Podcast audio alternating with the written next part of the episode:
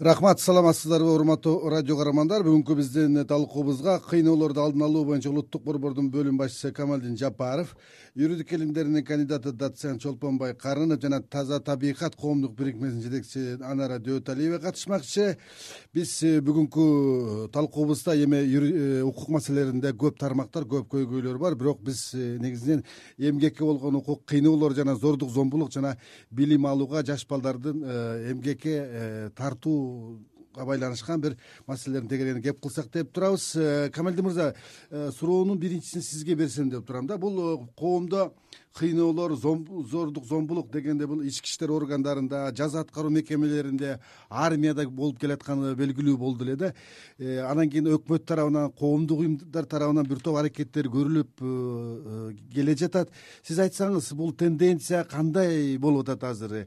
Мындай фактылар мисалдар азайдыбы жакшы жагына өзгөрдү десек болобу? Мен биринчиден айта турганым бул улуттук борбор кыйноого каршы. Күрөшүү борбору бул э, конвенцияга кыйноого каршы конвенциянын негизинде факультативдик протокол кабыл алынган. Ошол факультативдик протоколду кабыл алганда биздин мамлекет кыргызстан өзүнө милдеттеме алат. Ушул бир орган мамлекеттик орган түзөбүз кыйноого жана зомбулукка каршы күрөшүү боюнча деп.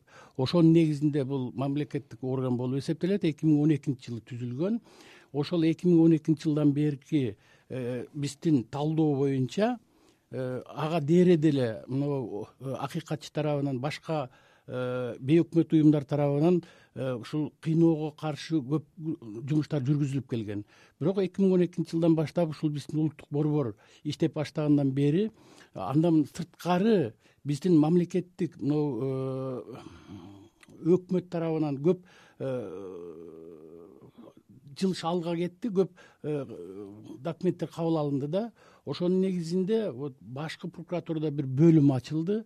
Ушу кыйноолорго каршы күрөшүү боюнча атайын бөлүм ачылган. Эми ошонун натыйжалары кандай болуп атат көптөгөн көптөгөн ушул салымдардын негизинде э, могу ушу кыйноого каршы кыйноолордун фактысы азайды деп кескин айтууга болбойт. Бирок кандайдыр бир немеде мындай э, спад болду дегенге туура келет да.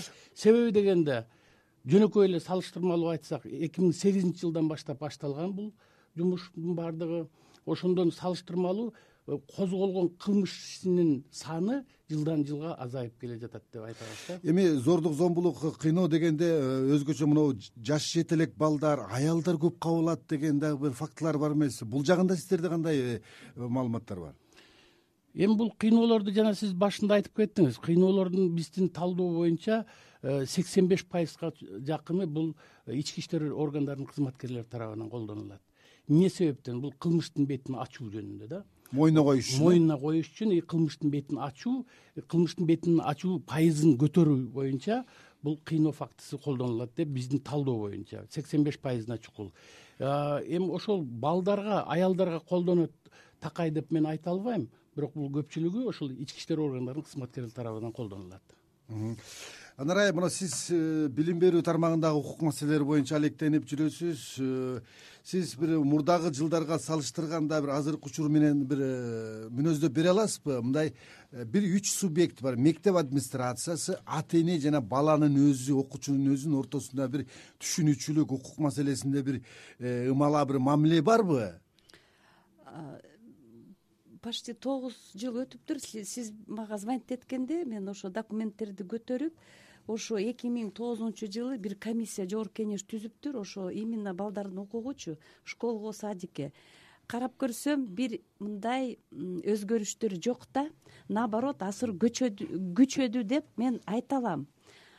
Кандай фактылар менен айтасыз кандай фактылар? Мына ар бир күндө мага особенно майдан сентябрга чейин эне аталар звонить этет. Школго садикке балдарыбызды бере албайбыз. Он миң сомдон жыйырма миң сомго чейин акча талап кылып атат. Анан прописка сурап атат микроучастка мененчи тогуз он жыл мурун болсо ал мындай ставкасы может быть беш он миң сом болсо азыр жыйырма беш отуз миң сом э, садиктерде ошондой эмет да бул шаар анан э, бишкек анан ош болуп атат. Анан пригород бир кант э, сокулук ошондой эмелер да жалпы эмес бияк жалпы эмес. Ар бир жылда министерство мыйзам э, указ э, приказ чыгарат. Акчаны албагыла тестирование өткөзбөгүлө депчи. Бул бир эме бир эмени карасак да мен ойлоп атам кагаз жүзүндө бул жазылып турат. Бунун да документтери бар. Всеобщее начальное образование бесплатно депчи. Кырк бешинчи статьяда конституцияда дагы бар. Закон жана об образовании дагы бар. Но бул аткарбай жатат да анан билесиңер бүгүн ошо оондун кырк беш жыл ошо күнү болуп атпайбы оондун жүз отуз жүз токсон үч мамлекет кошулуп ошо мыйзамдарды бир жана единый аткарабыз депчи. Биздин кыргызстан да ошого да эме мүчө да мүчө да. Но мындай алып көрсөк кагаз жүзүндө эле бар но органдар аткарбай жатат деп мына камалдин мырза деле айтып кетти мындай эл да мындай э, выборочно да мындай жүз процент аткарып атат деп мына азыр ойлоп атасыз мына жаңы президент келди жаңы может быть э, жашоо болот депчи. Но андай биз мен аябай ага ишенбейм бул жаңы өкмөт жаңы президент э, азыр ошо ошо мамлекеттин уюмдар азыр выборду ошолор жасаган да ошолорго көз караш болот. Бир мыйзам азыр дагы биз көрөбүз ошо может быть жарым жылдан үчөөсү чакырсаңар биз мониторинг кылып ошону кайра айтып беребиз. Анан айым ошол сиз коюп жаткан маселелердиги мамлекеттик органдар анын ичинде могу билим берүү министрлиги менен мындай кызматташуу кандай алар түшүнүүчүлүк менен мамиле кылып сиздер айткан көйгөйлөрдү оңдоого бир аракеттери барбы? Да сариева келгенде ошондой нпо сектор менен жарандык коом менен аябай тыгыз иштеген азыр башкача болуп атат да бар. Но мындай алар ылайык болсо э, сага эшик ачык. Ылайык болбосо бул не только министерство образования билим министерство. Мен ойлоп атам азыр менин тарапташтарым баары ошондой алып кетет да ылайык болсо деп ошондой азыр бизде ылайык же ылайык эмес деп ушундай жаңы тенденция эметип атат да. А мыйзам уже бул экинчи тарап. Э, чолпонбой мырза мына сиз э, юрист илимпоз катары айтсаңыз кыргызстандагы адам укуктарынын ичинде бул эмгекке болгон укукту менен алектенип жүрөсүз мына э, коомубузда бар көпчүлүк иш берүүчүлөр жумушсуздар менен келишим түзбөй эле иштеше берүүнү туура көрүшөт деп калышат да. Анын башкы себебин кайдан көрөсүз сиз? Бул алар мыйзамдуу жолдон эмне үчүн качышат э, буга жумушчулардын э, укукту билбегендигиненби же бир башка да себептеринен ушундай болуп атабы рахмат сурооңузга мен биринчиден биздин республика кыргыз республикасы бул укуктук мамлекет деп эсептейбиз. Укукту сыйлаган укукту баалаган мамлекет катары кабыл алышыбыз керек ошол кыргызстандын ичиндеги ар бир жарандын укуктары тебеленбей ошол укуктун негизинде ишке алып барыш керек да. Эми сиздин сурооңуз боюнча эмгекке болгон э, укук бул биздин ошо баш мыйзамыбыз конституцияда жазылган ар бир э, жаран өзү эмгектенүүгө укугу бар. Бирок бүгүнкү күндө ошол э, эмгектер эмгек мамилелеринин туура сакталышы кандайдыр бир деңгээлде бир багытта болуп атабы же ошол э, мыйзам бузуулар көп болуп атабы деген сурооңузга мен бүгүнкү күндө айтат элем э, мурдакы жылдар менен же башка жылдар менен салыштыргалы акыркы күндөрдө деле мындай өзгөрүү болгон жок.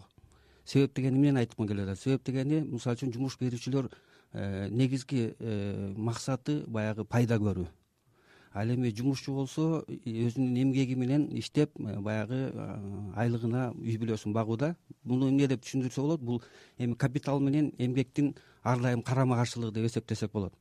Бүгүнкү күндө сотко арызданышкан ошол бузулган эмгек укукту кайра калыбына келтирүү э, статистика боюнча э, карап көрсөк мурунку жылдарга салыштырганда деле мисалы ылдыйлап кетти деген ойдон алыспыз. Себеп дегени ошо жумуштан бошогон адамдар Э, өзүнүн укугун сакташ үчүн э, ар дайым сотко кайрылганга э, мажбур.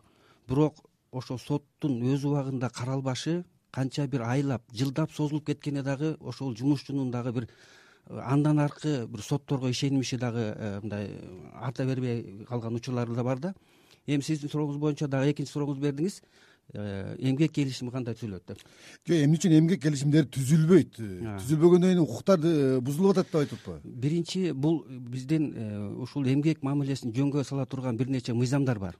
Мисалы үчүн эмгек кодекси бар эмгекти коргоо мыйзамы бар. Андан тышкары жааматтык келишим социалдык жөнгө салуудагы эмгекти жөнгө салуудагы социалдык өнөктөштүк деген мыйзамдар бар. Мыйзам негизинен бар бирок ошол мыйзамдарды кандайдыр бир деңгээлде аткарылышы жөнүндө чоң деген суроо бар да. Мына сиз айтып атасыз эмгек келишими э, түзүлбөйт. Э, эмне үчүн андан качышат деп. Албетте бул мындай бир түшүнүк бар да. Көбүнчө бизде бүгүнкү күндө ушу мамлекеттик деп да айтсак болот. Мамлекеттик эмес менчик э, мекемелерде дагы ушу эмгек келишимин түзгөндөн качып атышат. Жок бирок мыйзамда жазылып атат. Сөзсүз түрдө эмгек келишими менен иштеш керек деп